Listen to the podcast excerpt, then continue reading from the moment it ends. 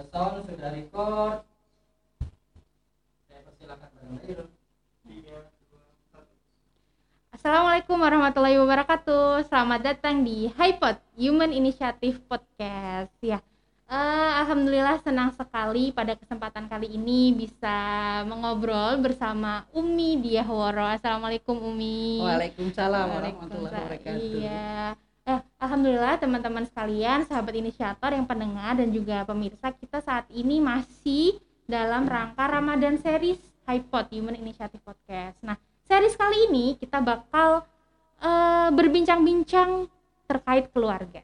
Namanya Family Series, Umi. Oke. Iya. Nah, mungkin saya kenalkan sedikit ya. Jadi Umi Woro ini adalah konsultan keluarga sehati. Ya, silahkan Umi, boleh say hello dulu sama pendengar kita. Assalamualaikum warahmatullahi wabarakatuh. Semoga pendengar semuanya bisa merasakan kebahagiaan ketika Amin. melihat masuki bulan Ramadan dan semoga tetap bersama dengan keluarga, tetap mendampingi keluarga dan insya Allah semoga nanti kita bisa sesurga dengan keluarga. Amin, masya Allah itu yang pengen jadi cita-cita kita tertinggi ya Umi sekeluarga berkumpul di surga. Ya, amin. Amin ya rabbal Iya. Eh, jadi Ramadan kali ini masih dalam suasana pandemi ya, Mm-mm. Umi kita dua kali lah Ramadan saat pandemi dan pandemi ini menurut saya banyak apa ya, banyak hikmahnya karena kita memiliki waktu bersama keluarga. Yang Betul. dulu mungkin awal-awal pandemi ada work from home, Mm-mm. ada school from home jadi ya di rumah gitu 24 jam dalam seminggu kita bersama-sama keluarga nah itu kan menjadi momen apa ya Umi meningkatkan bonding sih. Kalau Hmm. menurut saya ya ya meskipun saya belum berkeluarga sih gitu. Cuma cuma kadang Semoga insya Allah ya. iya iya amin. Jadi iklan lagi? Ya jadi insya Allah itulah eh, apa ya hikmah yang bisa kita ambil dalam pandemi ini. Nah menurut Umi ini kan eh, Ramadan juga masih suasana pandemi terus juga sedikit banyak masih membatasi kegiatan di luar gitu. nah kira-kira eh, apa ya yang bisa kita lakukan bersama keluarga biar Ramadan ini ya tetap asik gitu silahkan Umi Bismillahirrahmanirrahim. Eh, sebenarnya Ramadan itu kesempatan kita untuk bersama dengan keluarga justru harusnya. oh, iya. Terlepas dari persoalan masa pandemi, ya. Bayangkan saja ketika kita itu sahur bersama, buka bersama, ya, terawih bersama, itu merupakan segala sesuatu yang sudah saya yakin Allah itu sudah menjadikan ini momen yang luar biasa. Apalagi ditambah dengan masa pandemi. Jadi seorang yang beriman itu selalu mendapati segala sesuatu yang datang dari Allah itu dengan penerimaan ikhlas. Termasuk ketika masa pandemi. Kita bisa mencari hikmah, kita bisa mencari kebaikan gitu ya. Ternyata ketika kita diwajibkan oleh pandemi itu untuk di rumah, justru itu semakin memberikan satu kesempatan yang luas kepada kita untuk berkumpul dengan keluarga. Walaupun sebenarnya cara berpikir kita kepada eh, ayat-ayat Allah itu dalam Quran surat At-Tahrim ayat 6 ya yang sudah sangat terkenal. A'udzubillahi minasyaitonirrajim. Bismillahirrahmanirrahim. Ya ayyuhalladzina amanu kunu anfusakum wa ahlikum naro.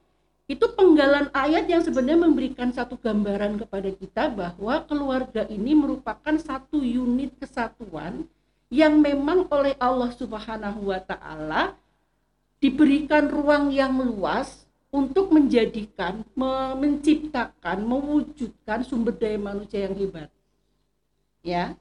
Dan sumber daya manusia yang hebat ini sebenarnya bisa kita bentuk pertama di keluarga, Betul. apalagi di bulan Ramadan. Nah, ini luar biasa.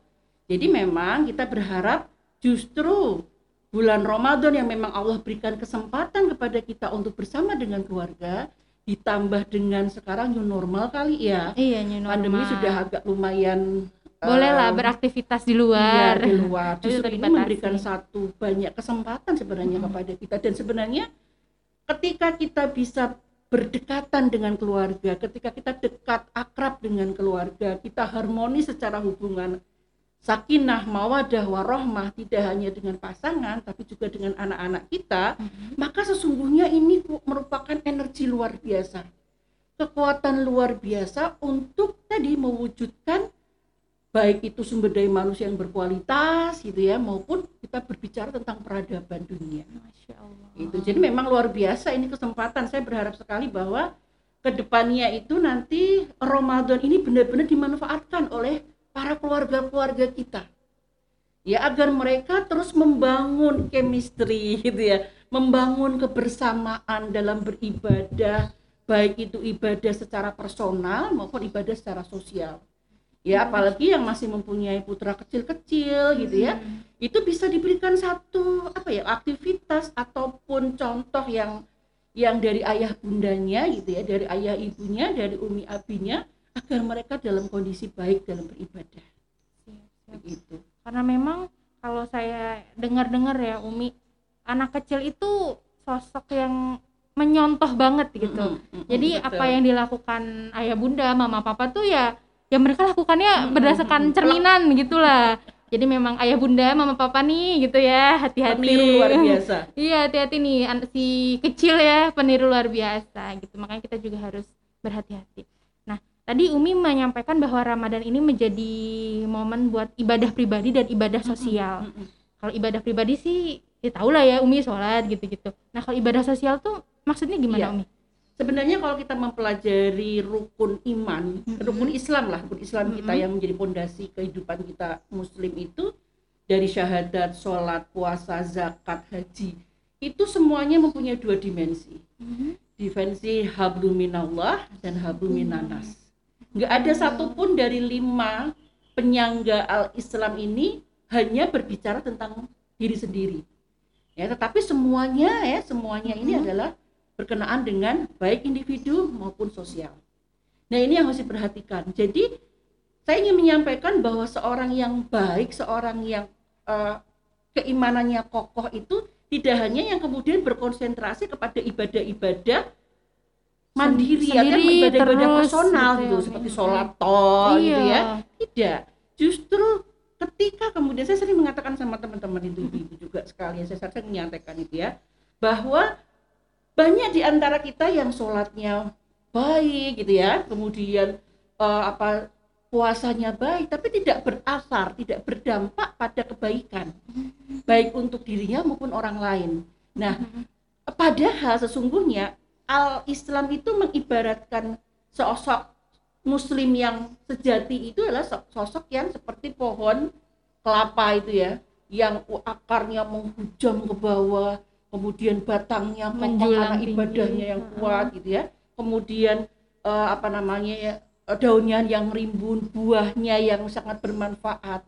Nah sebenarnya harusnya ibadah-ibadah yang kita lakukan itu berdampak kepada kehidupan sosial yang lebih baik. Nah, kalau anak-anak kita bisa contohkan, nggak usah jauh-jauh. Kenapa kemudian Allah menjadikan ketika kita sholat apa namanya sendirian, munfarid itu eh, pahalanya itu tidak lebih banyak daripada yang berjamaah. Allah menyampaikan 27 kali lipat kalau kita berjamaah.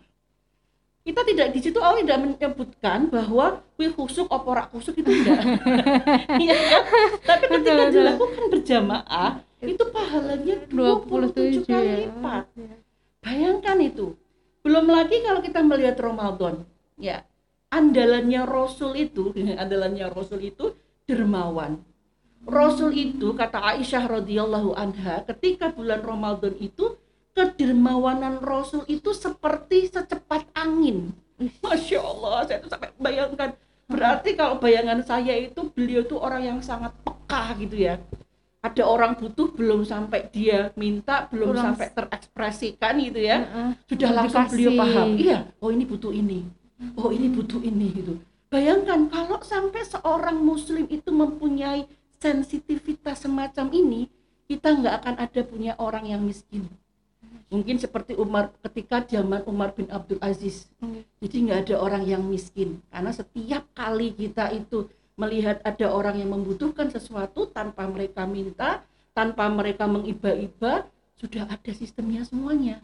Karena kedermawanan kita itu masya Allah itu bahkan andalannya Rasul itu selalu memberikan iftar ya memberikan makanan berbuka kepada orang lain bahkan kalau misalnya dan itu dicontohkan oleh para sahabat itu ya Oke. Jadi kalau yang namanya orang eh, memberikan sedekah iftar itu uh, luar biasa beliau itu karena mereka yakin bahwa dengan kita bersedekah, dengan kita memberikan iftar, ya buka orang lain itu tidak akan mengurangi harta kita. Iya. Dan ini harus dipahamkan kepada anak-anak kita. Kita nggak akan kekurangan. Kadang-kadang yang saya kalau anak-anak kecil kan ketika kita memberi lo aku mana gitu kan. Seperti itu Iya. kan. Aku mana gitu. Nanti kan berkurang. Justru ini yang ada pembelajaran yang luar biasa. Ketika kemudian kita memberikan kepada orang lain, maka Allah akan menggantikannya dengan yang lebih banyak Masya Allah. itu iftar ya kemudian kita berbagi sekarang ini malah ada alhamdulillah ada budaya berbagi sahur Iya. ya kan Dulu saya Berbagi pas masih di sahur. kampus ada ini. Sahur on the road. nah, Jadi luar kita biasa. jam 3 gitu udah turun tuh ke jalan-jalan Oh. bagi sahur. Terus kita juga sahurnya di jalan. iya, betul dan dan sebenarnya ayatnya itu kan ayat barang siapa mereka hadis ini ya barang siapa mereka yang memberikan makan kepada orang lain di situ tidak disebutkan dia miskin atau kaya tuh nggak ada Oh, kalimat oh, itu iya. maka Allah memberikan kebaikan kepada mereka Masya Allah. kita memberikan makan apalagi gitu ya memberikan makan kepada orang yang sedang berpuasa mau berpuasa gitu bayangan saya itu nanti mungkin eh, kalau insya Allah kalau di kami ada ya tadi yayasan kami itu ada jadi kita memberikan satu ya berbuka puasa lah bebas mau ngambil gitu ya, Ya, tapi Oh. terbatas ke jumlahnya karena memang memang eh, apa namanya eh, jumlahnya nggak mungkin kita akan berikan banyak setiap hari bisa sampai 200 400 lah alhamdulillah Oh, kita kita berikan bebas Itu gitu ditaruh di mana. Umi? biasanya kita punya pos-pos kan Oh, kita punya iya kita punya itu di luar yang di masjid loh ya. Iya. kalau yang di masjid kita insya Allah punya sendiri Masya Allah. ya tapi kalau itu di luar di masyarakat loh. Jadi siapa pun boleh mengambil. Nggak usah nanya kamu orang miskin atau enggak? Enggak usah. Gitu ya. Iya, itu iya. itu anak-anak harus tahu itu. Kalau perlu anak-anak dilibatkan di Ya. dalamnya. Ya dilibatkan. Jadi pelibatan anak-anak kita menyiapkan iftar untuk orang lain kemudian me- melibatkan anak-anak untuk bersama tarawih gitu ya. Itu itu merupakan pelatihan yang luar biasa pengalaman buat anak-anak agar mereka kemudian berpikir bahwa oh ternyata aku nggak hidup sendiri gitu. Aku bersama dengan orang lain aku butuh orang lain begitu. Ya itu pembelajaran luar biasa sebenarnya di bulan Ramadan ini. Selain tadi yang akan kita buat yang kita adalah bonding ya Mm-mm. kedekatan dengan eh, apa namanya dengan keluarga. Kemudian ketika orang apa masyarakatnya itu mas, eh, masyarakat warga apa keluarganya itu bahagia maka dia akan menghasilkan energi yang luar biasa. Sedikit ya saya tambahkan jadi ketika seorang suami dia mempunyai energi positif di rumahnya Iya. ya sakinah mawadah maka dia menjadi seorang pejihad yang luar biasa. Cari nafkah itu kan jihad. Ya kan semangatnya luar biasa ya. Dia kreatif dan seterusnya. Seorang ibu apalagi ya ketika dia berbahagia dengan keluarganya maka sesungguhnya dia bisa ngurusi semuanya. Anaknya pun bahagia. Gitu kan? Anak-anak lagi masya Allah gitu ya. Ketika dia berbahagia mendapatkan kasih sayang mendapatkan rasa bahagia tenang di rumahnya maka dia akan lebih bisa melakukan aktivitas-aktivitas kebaikan di luar. Dan itu menjadi kontrol sebenarnya. Ya anak-anak sekarang tuh termasuk kepada suami kepada istri kepada anak-anak. Ketika di rumahnya itu bondingnya bagus itu sebagai kontrol. Contohnya ada Nabi Yusuf alaihi salam. Ketika bondingnya dengan ayahnya itu luar biasa maka ketika dia tergoda oleh Zulehah itu semuanya bisa diselesaikan. Karena kan memang dalam dalam ayatnya itu Nabi Yusuf alaihissalam itu ketika kemudian bisa menghindarkan kemaksiatan itu kan karena mengingat pesan ayahnya. Hmm, itu kalau bukan karena ayah dan anak yang mempunyai bonding yang luar biasa itu nggak mungkin karena suasana pada saat itu di Al-Quran disebutkan sangat mendukung untuk perlakuan kemaksiatan Yusuf dan Zulekha Iya. Nah ini, ini yang harus kemudian harus dipahami oleh para orang tua gitu ya agar kemudian jangan sampai sesibuk apa pun kita itu tetaplah kemudian menjalin komunikasi dengan anak-anak. Hmm, berarti memang fam- family is number one ya Umi ya karena tadi setelah menyimak eh, apa yang disampaikan Umi saya jadi mikir bahwa ternyata yang memang apa ya kalau bonding di dalam keluarganya bagus kondisinya sehat gitu ya familynya sehat ya akan berpengaruh juga ternyata Oh, dalam sangat, kehidupan kita di luar sekali. sana gitu. Makanya kadang kan ada yang apa ya Umi eh, ya ada lah gitu yang saya kan kerja buat keluarga tapi waktunya habis gitu di luar. Nanti yang sampai ke keluarga itu ya sisa-sisa aja gitu nggak main sama anak nggak ada program edukasi sama anak nah kalau dalam keluarga Umi Umi Waro nih eh, Ramadan ini ada apa ya ada budaya yang unik nggak sih Ya, sebenarnya kalau eh, iftar bersama, kemudian sahur itu sudah dari dulu ya oh iya kita lakukan. Cuman yang eh, tiga tahun terakhir ini, ya hampir ya, ini adalah itikaf. Oh, Kami beritikaf, gitu ya, berlima karena kebetulan Oke. saya, suami dan tiga anak saya itu iktikaf. Pinginnya sih dulu umroh, tapi Allah belum mengizinkan umroh Iya. sekeluarga ya, jadi kami sendiri-sendiri umrohnya. Tapi kami membuat eh, apa namanya um, seakan-akan umroh, gitu ya. seakan-akan umroh. Jadi tiga tahun terakhir ini kami mengadakan eh, iktikaf bersama, ya sepuluh itu benar-benar bersama di masjid. Cuman kita pindah. Kalau dua tiga tahun yang lalu kita di masjidnya berpindah-pindah. oh. Terus tahun yang kemarin, yang dua tahun yang lalu satu tempat. Nah kemarin kita satu tempat karena kita kemarin itu ya masih pandemi ya. eh, itu di masjid tuh Mi tahun itu lalu ada yang di masjid, ada yang di rumah. oh Ya, tapi kita bersama berlima itu. Mm-mm. Jadi kalau saya sama yang perempuan makan berti- berdua sama nanti tilawah dan sebagainya gitu. Itu masya Allah itu sampai sekarang itu kami merasakan betapa Allah itu memberikan banyak kenikmatan. Ya kenikmatan kebersamaan. Di saat kemudian anak-anak itu ya namanya anak-anak sekarang ya anak saya sudah 20 tahun yang pertama. Pergaulan sedemikian rupa itu sel- ketika kemudian mereka pulang ke rumah dia selalu mengatakan bahagia kok Mi di rumah ngapain juga cari kebahagiaan di luar? Katanya gitu ya karena dia diajak ngomong gitu. Kemudian kedekatan anak-anak jadi sering curhat menyampaikan apa ya itu luar biasa.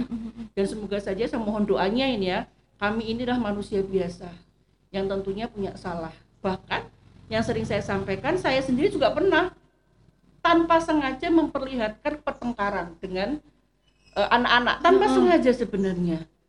Tapi sempat kaget juga ini. Loh, kita kan bertengkar di depan anak-anak gitu ya. Tapi kemudian kita sadar bahwa kami manusia biasa. Pastilah punya kesalahan ya Oke. yang kami pastikan bahwa mereka juga akan tahu akhir dari pertengkaran kami. Ya mereka sih nggak punya tahu nggak tahu persoalannya. Mm-mm. cuman akhir dari pertengkaran kami itu kami saling minta maaf kemudian selesai dengan baik gitu saja. Ya jadi eh, saya ingin menyampaikan ke, ke orang tua bahwa kita bukanlah malaikat yang tidak pernah salah gitu ya. Sehingga kita harus kalau bahasa Semarangnya itu jaim jaga image gitu ya selalu baik di depan anak tapi berusaha baik di depan anak itu harus. Berusaha baik ya? Iya berusaha baik di depan anak itu harus. Tetapi kadang-kadang yang namanya ujian yang namanya emosi yang namanya kondisi apa pun itu kadang-kadang lepas kontrol dari kita gitu loh. Karena kalau gini saya jadi ah saya kan manusia biasa gitu. Makanya ketika seperti itu saya sadar oh ternyata saya juga manusia biasa. Saya sampaikan ke anak-anak bahwa Umi sama Abi itu manusia biasa pasti punya kesalahan. Maka yang harus kita lakukan adalah bla bla bla bla. Gitu. jadi saya, saya sering makan ke anak-anak seperti itu. Artinya bonding itu kan tidak harus baik semua toh. Karena gini sih Umi kadang tuh eh, ya saya belum jadi orang tua ya cuma kadang kalau baca buku itu kadang orang tua itu ya pengen lihat baik aja gitu depan anak. Dia nggak pengen menunjukkan kesalahannya gitu-gitu sih. Dan ya efeknya mungkin juga ke anaknya sih. Mungkin ya Eh, sebenarnya begini, kalau berbuat baik dan berusaha berbuat baik depan anak itu menurut saya memang merupakan salah satu yang kita latihkan. Kita berlatih ke sana, tapi bukan berarti kemudian eh, kita menjadi orang tua yang bebas dari kesalahan. Bahkan tanpa kita memperlihatkan, tanpa kelihatan begitu, sebenarnya anak-anak kita sudah dewasa itu sudah tahu, oh ini kalau kelebihan kekurangan umiku seperti ini, kekurangan ayahku itu pasti sudah tahu kok anak-anak dulu juga suka protes sama saya gitu ya. Kenapa kok api begini begini? Kok kenapa kok umi begini gitu ya? Kita sampaikan saja bahwa ya tadi saya katakan maka saya sering mengatakan bahwa eh, sama ibu-ibu semuanya pada keluarga ya bahwa sebenarnya kekompakan kita eh, dengan pasangan suami istri itu sesuatu yang memang di- yang harus ya itu tidak bisa ditawar. Sekalipun bentuk kekompakannya tidak tidak hanya di luaran ya, tetapi juga dalam persoalan-persoalan hati. Nah, saya sering mengatakan juga, yang saya kalau misalnya kita kadang-kadang lihat ada suami istri yang ke mana-mana berdua, nggak apa-apa kalau emang itu baik gitu ya. Tapi tidak kemudian uh, menyalahartikan mereka yang tidak pernah berdua gitu ya, kira kompak misalnya begitu, nggak juga gitu ya. Iya. Karena memang sebenarnya bonding itu ada pada hati, ya. Dan hati itu milik Allah. Maka saya selalu menyarankan ke ibu-ibu sekalian, ke, ke orang tua ya bapak dan ibu, mintalah kepada Allah pemilik hati. Dialah yang membuat diri kita itu selalu bersama dalam hati. Jadi mau ke mana mau ke mana, kalau hati kita sudah terpaut gitu ya, kita tidak akan pernah dia terlepas. Nah termasuk di dalamnya ketika kita anak-anak suka protes itu ya, itu adalah tugas masing-masing pasangan. Bagaimana memunculkan sosok pasangannya misalnya anak. Biasanya kalau anak sih curhatnya sama maknya ya sama saya ya.